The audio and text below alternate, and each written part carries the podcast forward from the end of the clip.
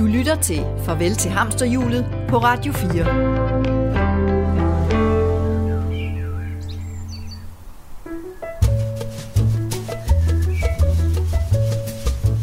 Er der et andet liv end det, hvor vi pisker afsted, glemmer at være til stede og nyde det hele?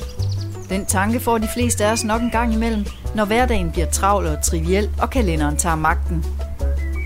Farvel til Hamsterhjulet er en programserie om nogle af de mange mennesker, som i de her år tager springet. Måske forlader de den dyre bolig i storbyen og rykker på græs. Måske tjekker de ud af en alt for lang og presset arbejdsuge. Måske tager de hul på et helt andet arbejdsliv, som giver mere mening og glæde. Vi møder nogle af dem, som har foretaget et dristigt valg og forfulgt en længsel efter mere nærvær og mere frihed. En drøm om at få pulsen ned. Det er ikke svært at drømme, men det er de færreste, som gør noget ved det. Mit navn er Dorte Søholm. Velkommen til.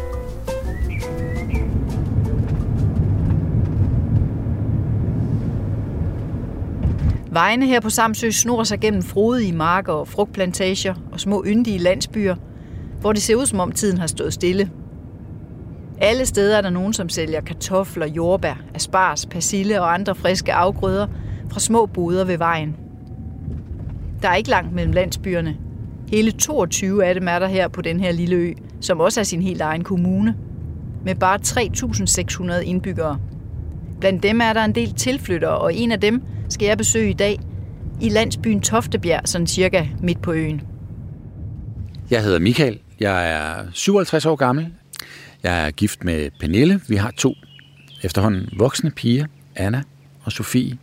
Jeg har arbejdet som tv-fotograf det meste af mit liv, øh, men tog en beslutning for seks år siden om at flytte til Samsø, hvor jeg har startet min egen økologiske æbleplantage med 3.100 træer.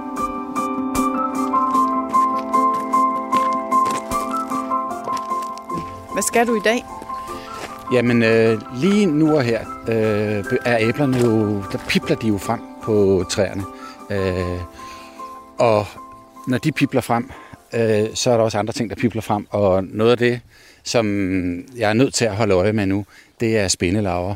Altså en lille larve, som laver et, ja, man kan sige en slags puppe på æbletræet, øh, hvor at den har øh, sin, hele sin familie i.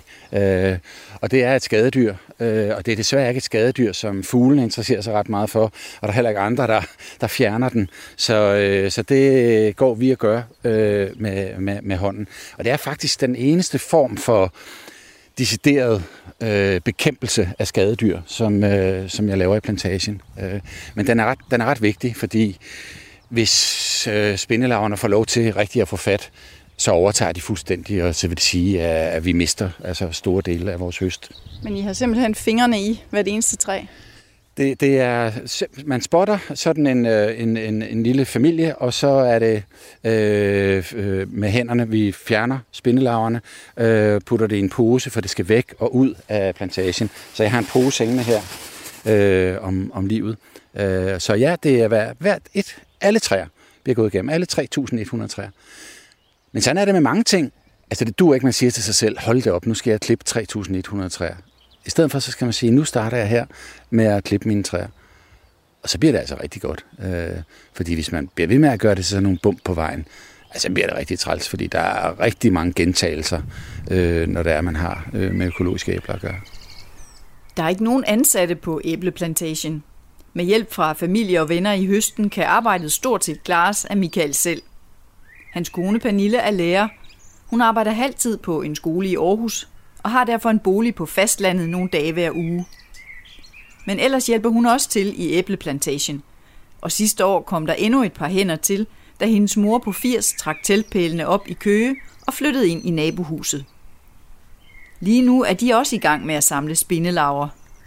Nu skal jeg lige spørge øh, min bedre halvdel og hendes mor, hvor langt de er nået, så hvor jeg skal starte henne. Goddag. Hvor skal man starte, når man skal fjerne spindelauer? Hvor er I startet? Vi har taget de to første rækker. Okay, så er det derfor, jeg ikke rigtig kunne få øje på nogen der. Okay. Ja, jamen, så tager jeg række 3. Vi kan jo lige prøve at kigge en gang. Vi kan jo se, der sidder faktisk ikke bare en, men to familier her. Tre familier. Hvordan ser de ud? Det er sådan lidt ullet. Ja. Og det, er sådan, det ligner nærmest en slags spindelvæv, der er vokset sammen.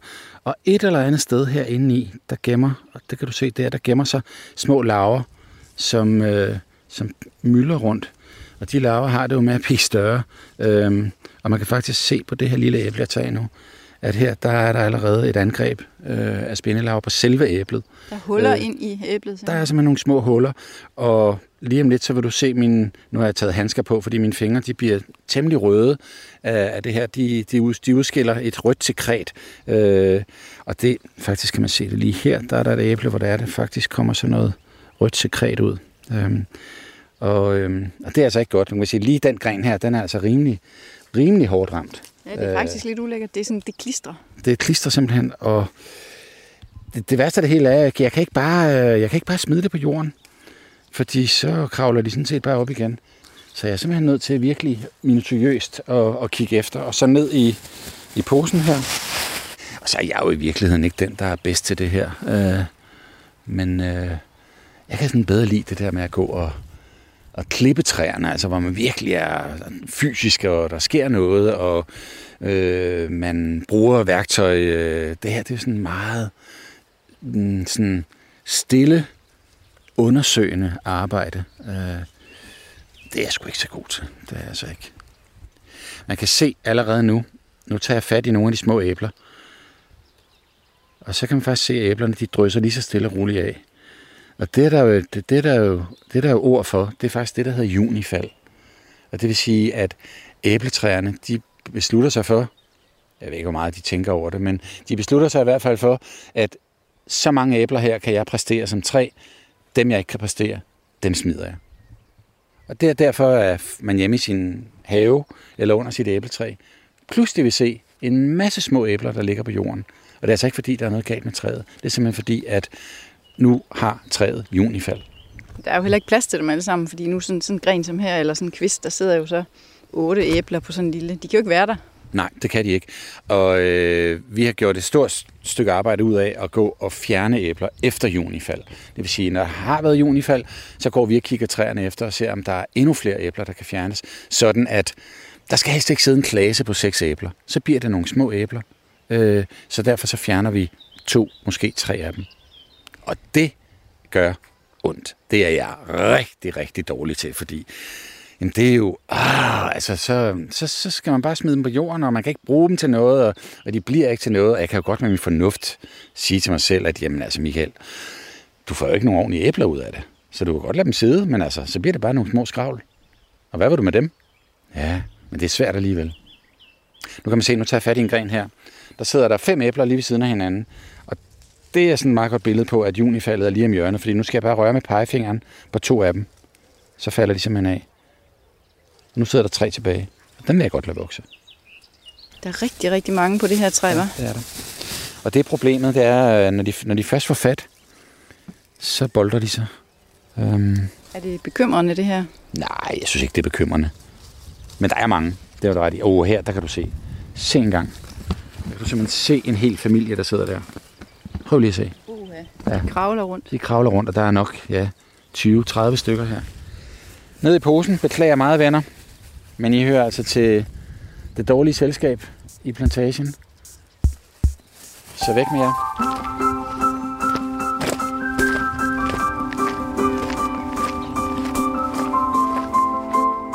Kommer vi ned til vand, kigger ud over en lille, en lille havn er det, med en masse små joller. Ja, det er faktisk en, en jollehavn. Øh, havn er det måske ikke helt, øh, men hemmeligt er det i hvert fald. Der er ikke ret mange, der kender til sted her, fordi man skal jo ned ad en lille bitte sti for at finde herned. Men, men her der ligger der 50 joller, øh, alle sammen bundet til pæle, så når man skal ud til sin jolle, så er man nødt til at finde et par vaders frem. Og så er bare gud smukt. Når man står og kigger ud over, altså, så har du hele Stavns fjord foran dig. Øh, du kan skimte Besser Revs start langt ude i det fjerne. Langør Havn over til venstre. Og hvis man lige ser bort fra Langør Havn, altså, så kunne vi lige så godt være et sted for 100 år siden her. Der er jo ikke rigtig spor af civilisation nogen steder.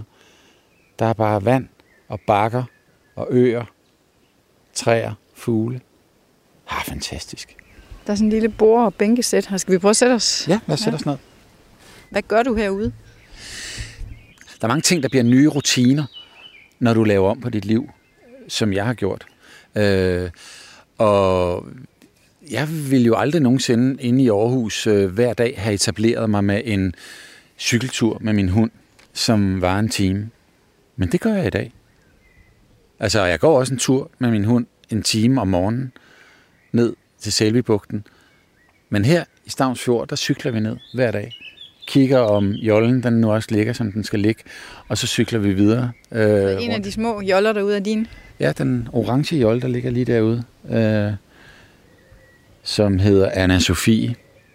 Så må du selv gætte, hvem det er, den er opkaldt efter. Men det kunne være mine døtre. Og det er jo faktisk en meget god, et meget godt supplement til øh, måske at have gået i nogle timer og, og lavet øh, et eller andet form for arbejde i plantagen, hvad enten det har været fysisk hårdt eller, eller, eller stille og roligt. Så er, det, så er det rigtig dejligt at tage cyklen og så cykle herud. Sætte sig ned på en bænk. Nogle gange drikke en kop kaffe. Sidde og kigge ud over vandet. Så er der en anden ting. Nu er der helt fredeligt lige nu. Det undrer mig egentlig også lidt. Fordi der ligger jo en, ja, hvad ligger der, en 50 joller eller sådan noget. Så det er jo tit, at der er andre der, øh, herude øh, af de lokale. Øh, og så slipper man altså ikke for en snak. Øh, og der er, ikke, der er ikke noget med at sætte sig ned alene og sige, nu, nu sidder jeg her og mediterer, og jeg vil godt have fred og ro. Den går ikke. Den går ikke. Nej, man snakker sammen. Det gør man.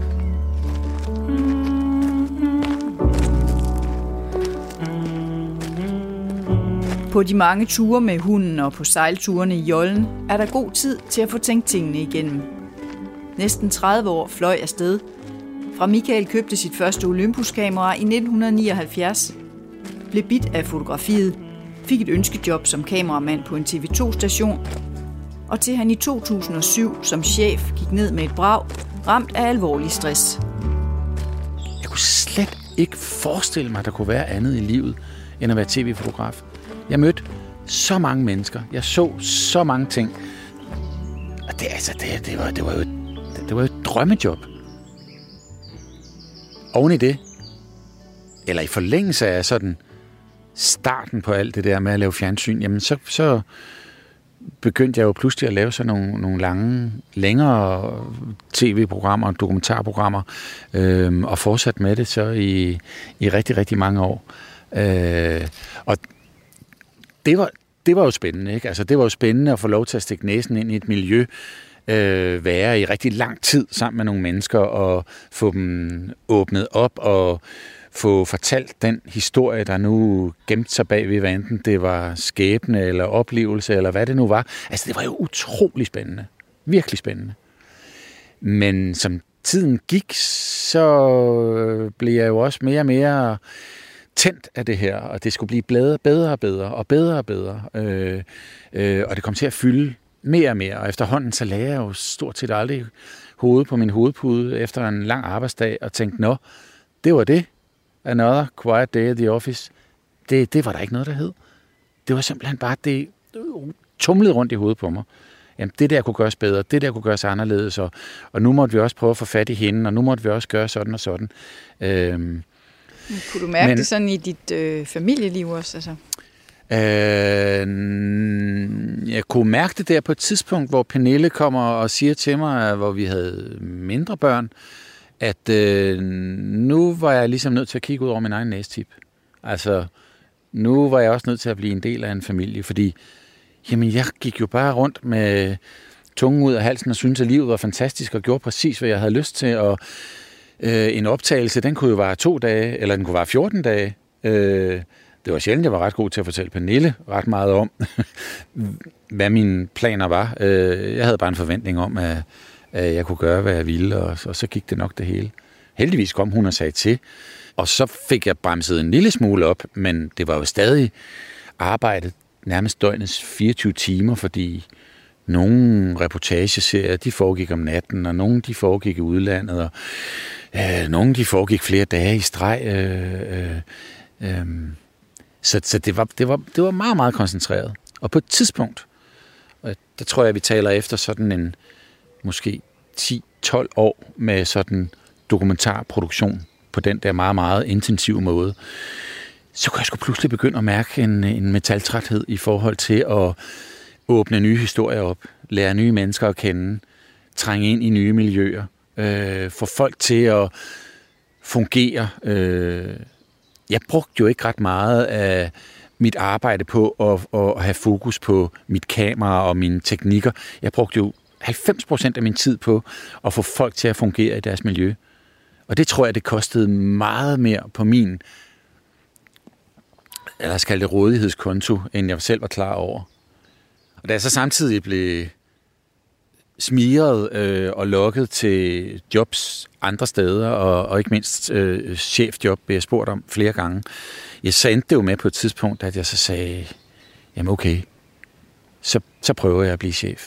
Men der var bare ikke ret mange, der vidste, hvor meget energi, hvor mange ressourcer jeg brugte på at være chef, stort set uden at... Jamen, jeg sov jo næsten aldrig. Jeg rejste rundt. Jeg var chef på TV2, øhm, og, og, og var på chef i Odense, var chef i København, boede i Aarhus. Så jeg var jo stort set aldrig hjemme. Og det holdt jeg så til i ja, tre år. Og så faldt jeg simpelthen af pinden. Altså for at sige det, som det er.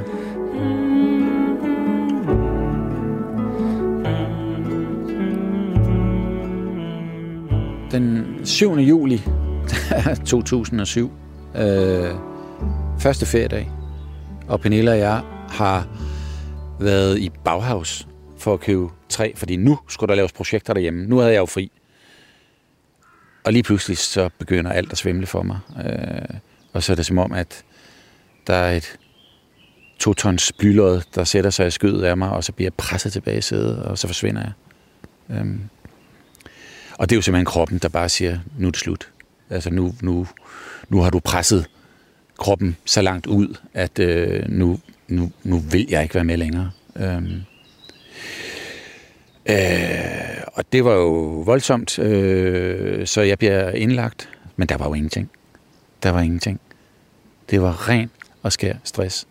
Det var en krop, der var presset helt derud, hvor der ikke var mere tilbage. Og når jeg sådan sidder her og, og tænker tilbage, så kunne jeg jo godt se, at der var nogle forskellige tegn, øh, som jeg jo burde have lyttet til. Altså også alvorlige tegn faktisk ikke, fordi jeg husker at gå hen af gangen nede på kvægtorvet, og lige pludselig så sejlede det hele, ikke? Øh, og så tænker jeg, ja, ind og få en kop kaffe, og så lige sætte sig ned i to minutter, og så skal vi også videre, fordi du har jo et møde der, og en vigtig beslutning der, og så skal du jo videre til København. Ikke? Og jeg husker, at øh, for eksempel Pernille, også øh, nogle venner, de kom og stillede sig foran mig og lagde hovedet på skrå og sagde, Michael, øhm, er du sikker på, at det er det rigtige, det her, du har gang i? Er du sikker på det? Og jeg kiggede bare på dem og, og, og nærmest grinede og sagde, jamen altså, hold da op. Altså, det er jo mig, der er verdensmesteren, ikke? Så jeg kører da bare løs derud af. Der er der ikke noget. Chefjobbet blev sagt op, og Michael begyndte at kravle tilbage til livet. En lang og hård proces. Derfra, der vendte skuden. Så, stod, så så du æbleplantagen vinke ud i ja. Jeg ved ikke, om man lige så æbleplantagen med den samme, men jeg så i hvert fald øh, en nødvendighed af, at når man har det, når man er så langt ude, altså, så, så jamen jeg vil ønske, at der var nogen, der var kommet og havde flået mig i skulderen og sagt, nu slår jeg bordet her, Michael, stop. Slut. Du kan ikke mere. Du skal ikke mere. Det, det er slut. Så æblerne kom jo i takt med den dialog, som Pernille og jeg så havde, fordi hvad så nu? Jeg havde det så dårligt på et tidspunkt, umiddelbart derefter, jeg havde sagt op, at jeg ikke turde gå ud af mit eget hus. Og, og altså, hvem ved, hvordan at man havner der? Altså, det kan du jo slet ikke forestille dig. Så jeg kunne jo slet ikke se mig selv nogensinde arbejde igen. Jeg anede ikke, hvordan jeg skulle blive et helt menneske igen. Øhm. Men, men, men god tid, og så fat i en psykolog, der ligesom havde nogle andre briller på. Øh, så begyndte det at vende. Så i dit tilfælde var det ikke så meget et spørgsmål at hoppe ud af et hamsterhjul, som, som en dødsmaskine faktisk? Jo, fordi at du bliver jo ved med at føle dig som en forsørger. Øh, og jeg husker tydeligt, da vi fortalte øh, pigerne, øh, som jo vel var, ja, det kan jeg ikke huske, men i 8, 10, 11, 12 års alderen, Og jeg husker lidt tydeligt Sofies, øh, den yngstes reaktion, da jeg sagde, jamen nu har jeg sagt op på arbejde, så kiggede hun på mig og sagde, bliver vi fattige nu så, far? og på den måde er man jo nogle gange presset lidt altså af sine egne ambitioner og alt muligt andet om, at man skal bo rigtigt, man skal bo fint, man skal rejse, man skal kunne gøre, man skal have en god økonomi osv. osv., osv. Øhm, og jeg vidste jo ikke rigtigt, at jeg skulle flytte mit blik væk fra alt det der. Øh, og jeg vidste slet ikke, at jeg skulle flytte det over på noget, der var en æbleplantage. Men æbleplantagesnakken og ideen, den kom jo stille og roligt i takt med, at Pernille og jeg satte os ned og snakkede om, okay, hvad gør vi så nu? Øh, fordi jeg fik det bedre, og i løbet af et halvt til tre kvart år øh, gik jeg faktisk i gang med at arbejde med i mit eget firma, og med nogle helt andre ting end øh, de tunge ting, jeg har arbejdet med tidligere. Og så gik det jo fuldstændig som det går alle andre, der starter op øh, på ny, at jeg mistede kontrollen igen. Øh, og lige pludselig var det arbejdet, der styrede mig, og ikke mig, der styrede arbejdet. Og så kan vi begynde at snakke hamsterhjul. Fordi så gik snakken nemlig i retning af, der må være alternativer til det her. Så villaen i Højbjerg blev solgt? Villaen i Højbjerg blev solgt. En gård blev købt på Samsø. 1100 træer blev først plantet. Og så blev 2000 træer plantet. Og så begyndte konturen af en æbleplantage at, at tage form. Hvad, hvad sagde øh, familien, hvad sagde dine døtre til, at du havde tænkt dig at slå dig ned på Samsø? Det bedste, der er sket, det er, at det er foregået i en proces over en, en 5-6 år. Og i den proces har Anna og Sofie, altså vores døtre, været en stor del af det. Altså, de har været meget med i de forskellige snakke, øh, i de forskellige beslutninger, vi har taget. Og øh, det vil sige, de er jo ikke blevet forskrækket, men de har forstået, hvad det var, der var sat i gang. De var med på, at det var nødvendigt for mig, og det var nødvendigt for os alle sammen, at nu skulle der ske noget andet.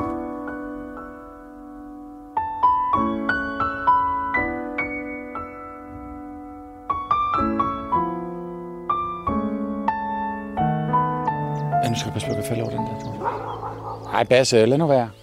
Bastian. Bastian. Jeg ved godt, den er der.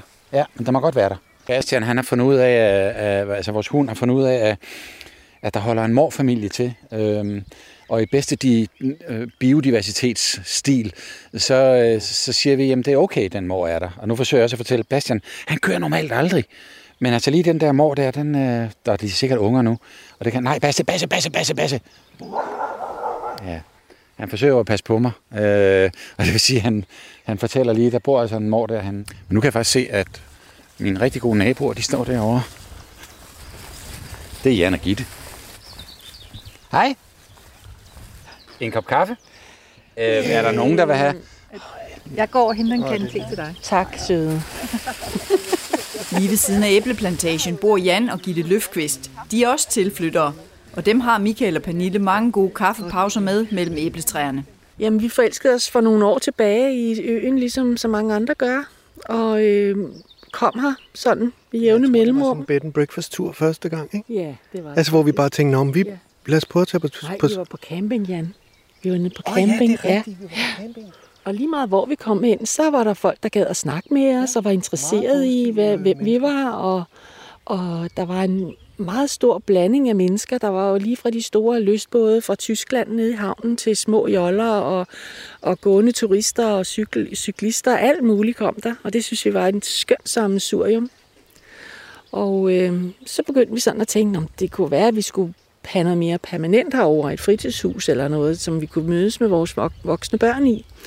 Og så begyndte vi at kigge efter det, og så blev vi bare så forelskede i det her hus, og det her, den her store have. Og, Som, som ligger lige ved siden af Michaels æbleplantage her. mm. ja. Ja. Og øh, så kunne vi godt se, at det var ikke noget, man sådan kunne gøre på fritidsbasis. Det var noget med at bo og holde. Jeg, jeg var skolelærer i Dragør, og, og altså, jeg, jeg har altid været glad for mit job, og har altid været glad for at arbejde på, på Dragø skole. Super kollegaer, og altså skønne børn, ikke? Men, men, men det var ligesom om en skolereformer og alt sådan noget. Det var ligesom om den bedste tid havde været der for mig. Og så jeg havde ikke, jeg havde ikke så svært ved at, at skifte.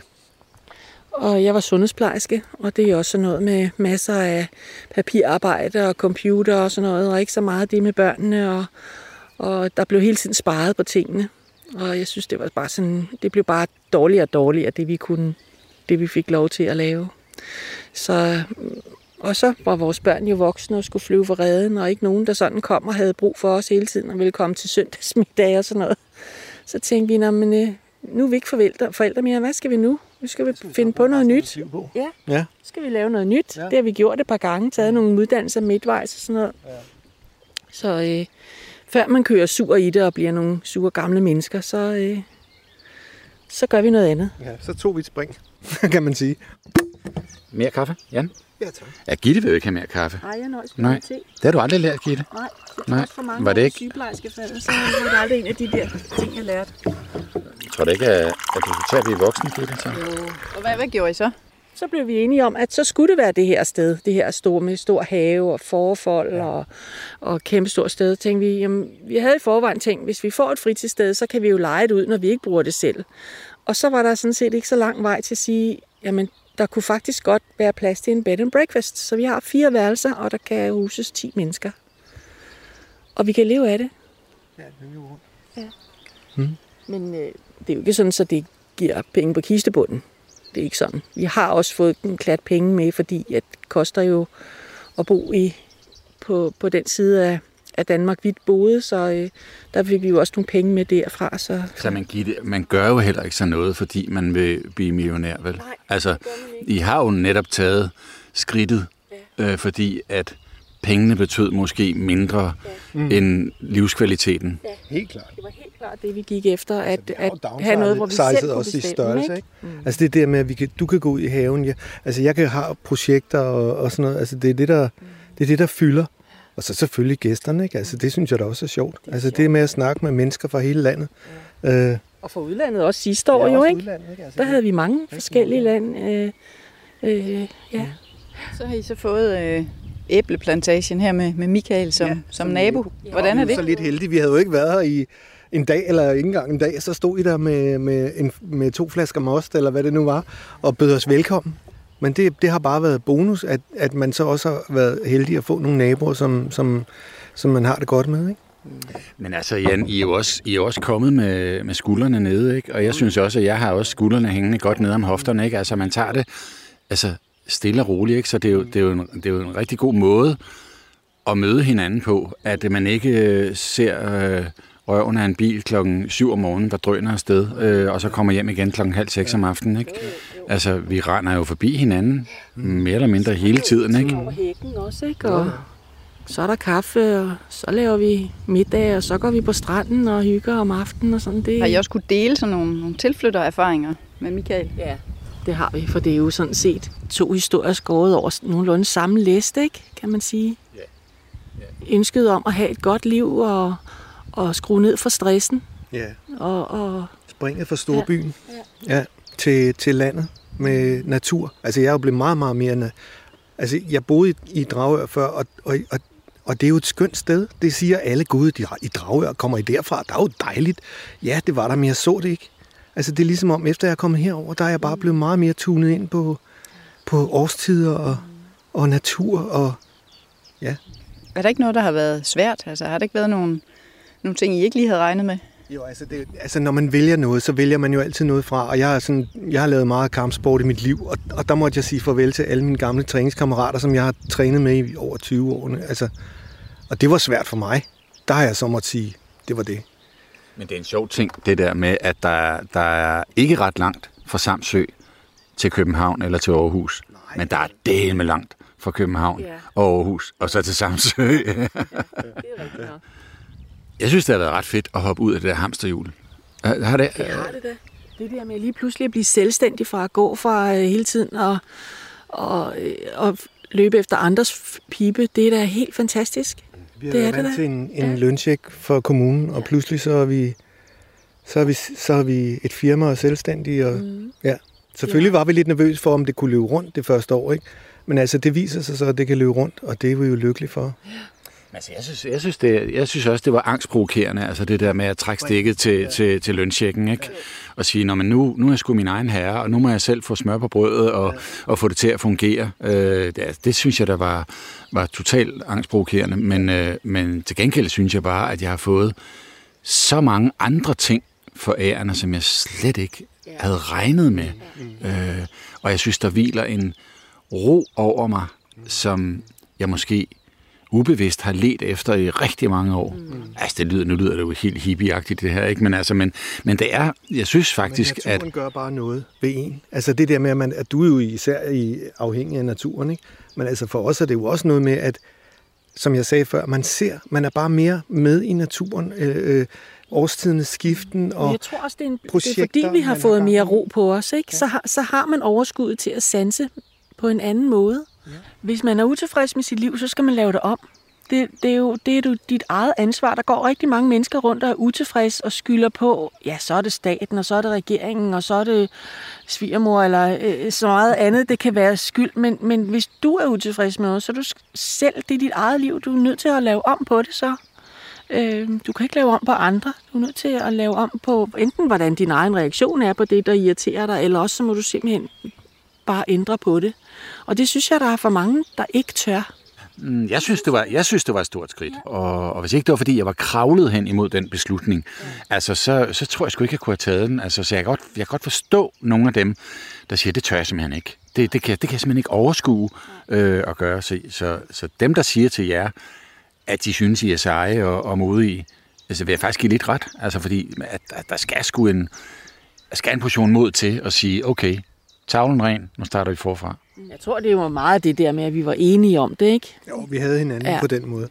Det er meget sjovt det der med, at da jeg boede i Storbyen, øh, og man skulle drikke kaffe sammen, men så var det jo meget noget med, at så tuner vi lige vores kalender ind og ser, hvornår kan vi drikke en kop kaffe sammen. Jeg mener, vi går forbi hinanden her på hver sin side af hegn, og så, hvad, øh, en kop kaffe? Ja, nu? Ja, det gør vi. og svært er det jo ikke, vel? Øh, og og det, altså, det, det er da totalt befriende øh, og, og, og, og, og dejligt afslappende. Ikke? I stedet for, at det er sådan...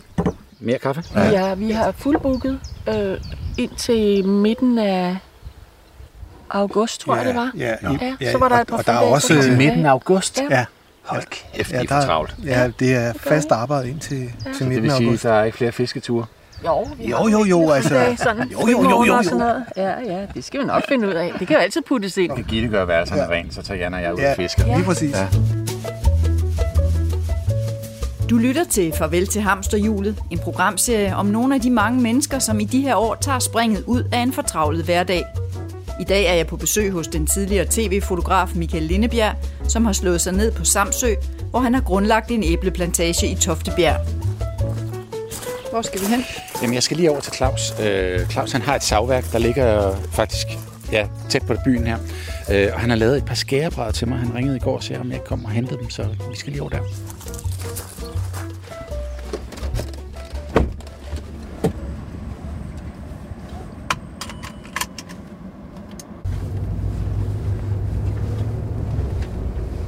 Hvordan har det været at trænge ind i det lokale samfund herovre på, på Samsø? Har det været en udfordring, eller er det gået glat?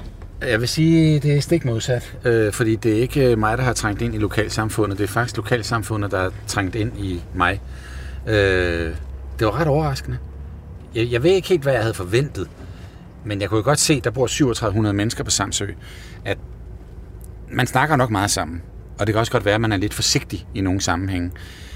Men jeg var meget overrasket over, at vi havde ikke mere end lige købt gården.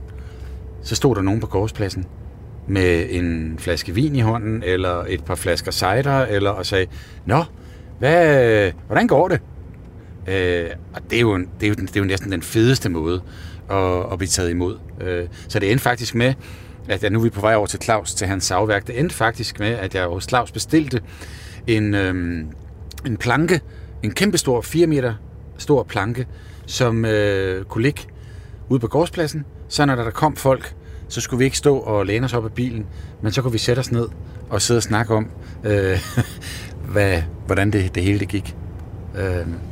Altså, du købte jo gården af sådan en, en rigtig gammel landmand her på Samsø og hans kone. Hvad, hvad, hvad siger de til det, du har været i gang med at bygge op, og den måde, du gør det på? Sådan? Vi kendte ikke øh, Christian og Søtter, øh, som vi købte gården af, øh, men, men lærte dem rigtig godt at kende. Øh, og det viser jo at være de mest fantastiske mennesker. Øh, Christian var et par 80, da vi købte gården. Øh, og det, det, det, det endte eller det, det startede sådan set med, at vi snakkede gennem hegnet, at de havde gården, de skulle til at sælge gården. De har dykket persille og kartofler hele deres liv, øh, og har haft en meget stor øh, virksomhed på gården, og lavet rigtig meget persille. Øh, og men, I havde fritidshus lige ved siden af? Og vi havde så et fritidshus, der lå lige ved siden af, med et stykke jord ned, der stødte op til deres jord.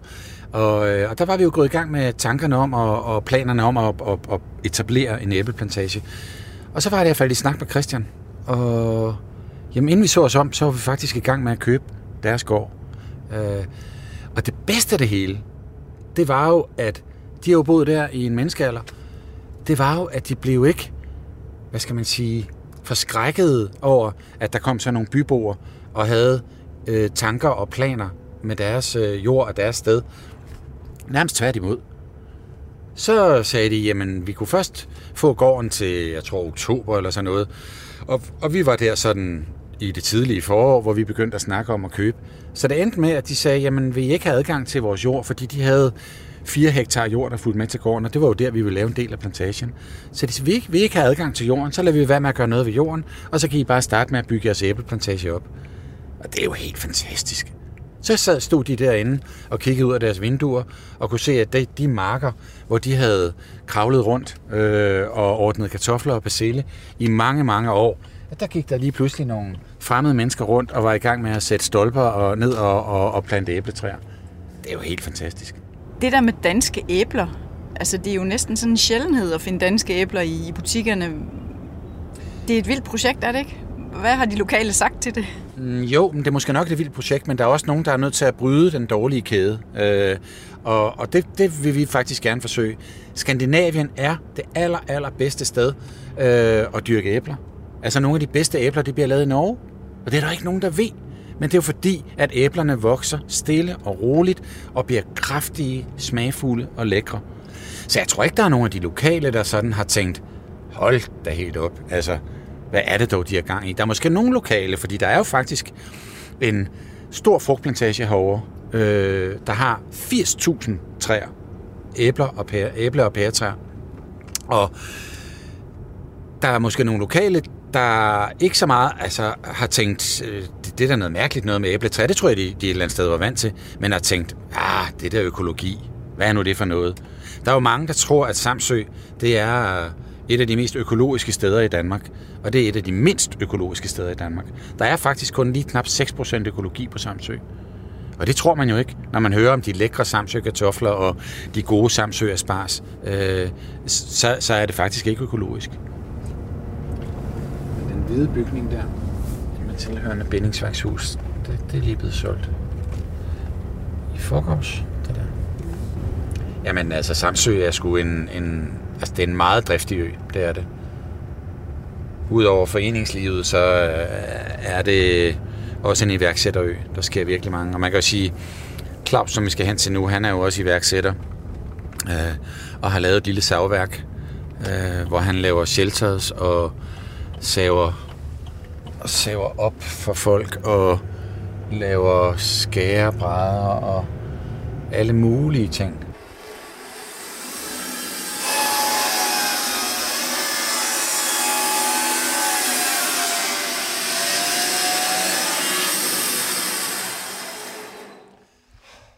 Så stort øh, havde jeg altså ikke bestilt de skærebrædder, Claus. Nej, nej, nej. Har du kaffe med? Nej. Er vi programmer? Hvad? Er vi programmer? Det. Men hvad laver uh, Det er træ til et shelter ned til Vesterlykken. Jeg skal bygge i morgen. Så... Men du har da godt gang i de der shelter. Ja, det er fantastisk. Det er jo lige op i tiden med alle de her udeaktiviteter. Ja. No. Jamen, du sagde, du har lavet nogle brædder. Ja. Hold kæft, mand. Nej, jeg har ikke sagt noget. Model 1. Åh, oh, den er lidt større. Og så den allermindste her. Og det var sådan en fødselsdagsgave, ikke? Ja. E3 fra Samsø. Ej, hvor vildt, mand. Det er flot. Jeg tror, vi er ude i en mellemstørrelse her. Den tror jeg måske, hun vil blive mest glad for. Det her, det kan du sagtens både skære et brød på, og så kan du også godt lægge en fin tapas op på det, ikke? Ja, der er den her så bedre. Ja, men Hvis, hvis, så... hvis vi snakker tapas. Jo, men det er jo en pige. Hun kan jo knap nok løfte den fra jorden, Claus. Men Claus, hvad er det med dig og Samsø? Hvad, hvorfor, hvorfor er du her? I 2004 fik jeg jobbet som golftræner herovre. Og øh, så købte vi en lille bondehus. Idyllisk stråtægt øh, bindingsværk.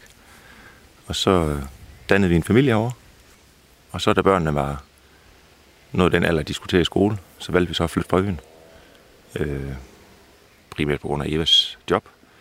Hun skulle forfølge sin karriere.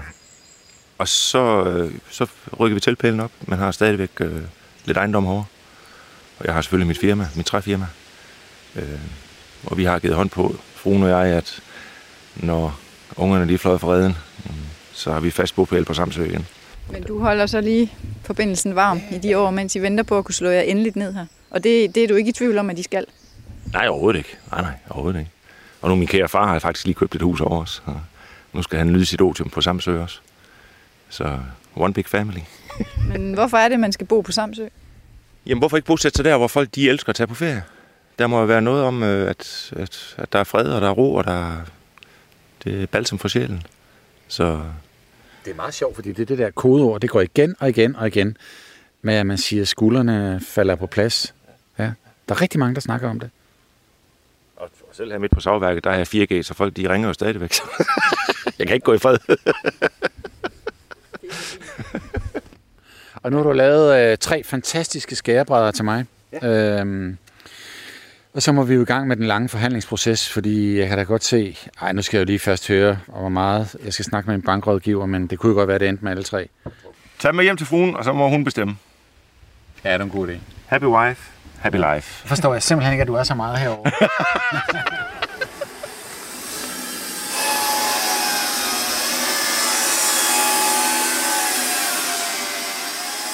den time, det tager en sølle time at sejle fra Hov til Samsø. Men den time, den gør jo, at dine skuldre, de falder fuldstændig ned i hoftehøjde. Du slapper helt af. Så når du træder ud af færgen, jamen, så er du sgu sådan nærmest som, som forvandlet. Altså, det, det, det, det, det, det vil jeg sige, det er medvirkende til, at Samsø vil være et godt sted at beslutte at være. Har omgivelserne også sådan kommenteret på, at, at du er blevet forvandlet? Altså, kan folk mærke, at du er en anden Michael herover i din æbleplantage på Samsø? Jamen, det kan de. Der er rigtig mange, der synes, at, at, det, at det er fantastisk at besøge mig, og de kan se, at jeg har det godt. En del af den, den store udfordring i denne her proces, altså hvor det er, du hopper ud af hamsterhjulet, har jeg oplevet, øh, har været min identitet. Fordi der er jo altså 99 procent af de mennesker, jeg kender, de kender mig som fotografen Michael. Der er tit nogen, der spørger om, jamen har du ikke lyst til at lave noget fjernsyn? Har du ikke lyst til at fotografere? Mm, nej, jeg har ikke lyst til at lave fjernsyn mere, det har jeg sgu ikke. Og måske handler det også om, hvad du selv signalerer, og hvad du selv tror på. Men det har taget et stykke tid at få folk til at forstå, at det her det er altså ikke for sjov. Det er ikke bare en fix idé. Det er ikke noget, som jeg laver om på i næste uge. Altså, det er faktisk kommet for at blive. Og du planter jo ikke et æbletræ øh, og venter tre år på, at det giver nogle æbler, altså for sjov. Øh.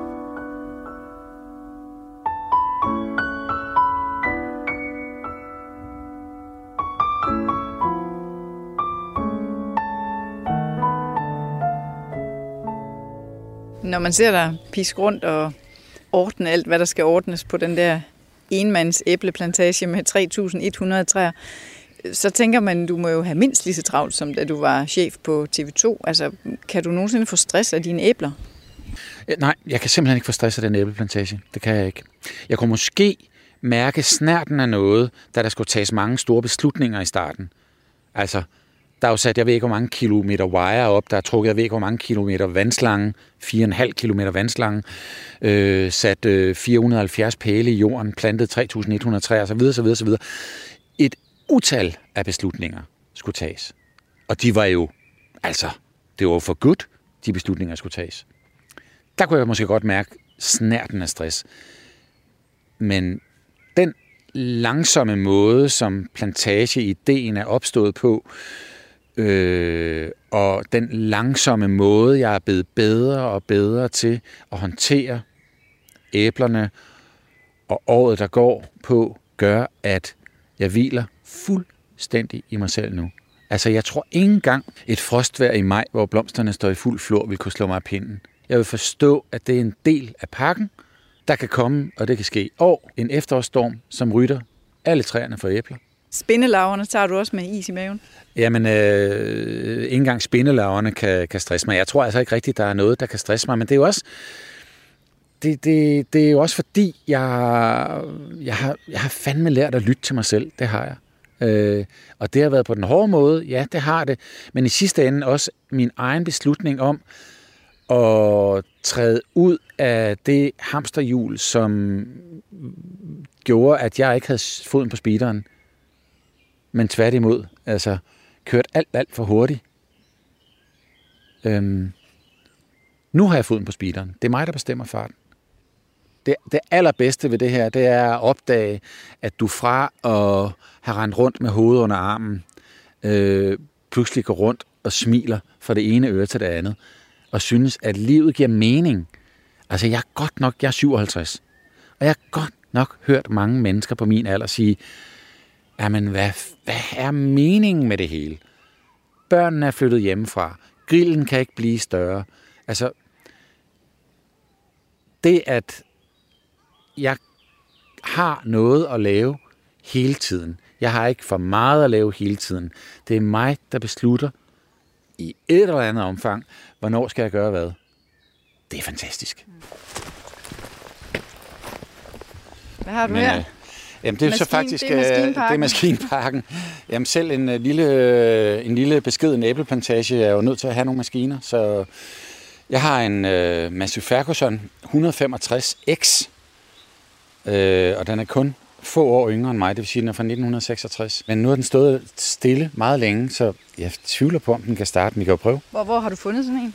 Øh, den har jeg købt på Sjælland, og jeg anede jo intet om traktorer. Så den blev leveret til mig på kajen i Kalumborg. Og øh, så stod jeg ellers med den og skulle have den ombord på færgen. Mens jeg sad inde i traktoren, så var jeg simpelthen nødt til at gå på YouTube for at finde ud af, hvordan i alverden starter man sådan en. Fordi det var altså ikke nok at dreje nøglen. Der var en kombination af flere ting, man skulle gøre. Men jeg fandt ud af det, og så startede den, og så hoppede den ellers 5 meter frem, så den der stakkels Combardo-dame, hun sprang for livet. Øhm, men jeg fik den ombord på færgen. Lad os se, om den, om den vil. Ja.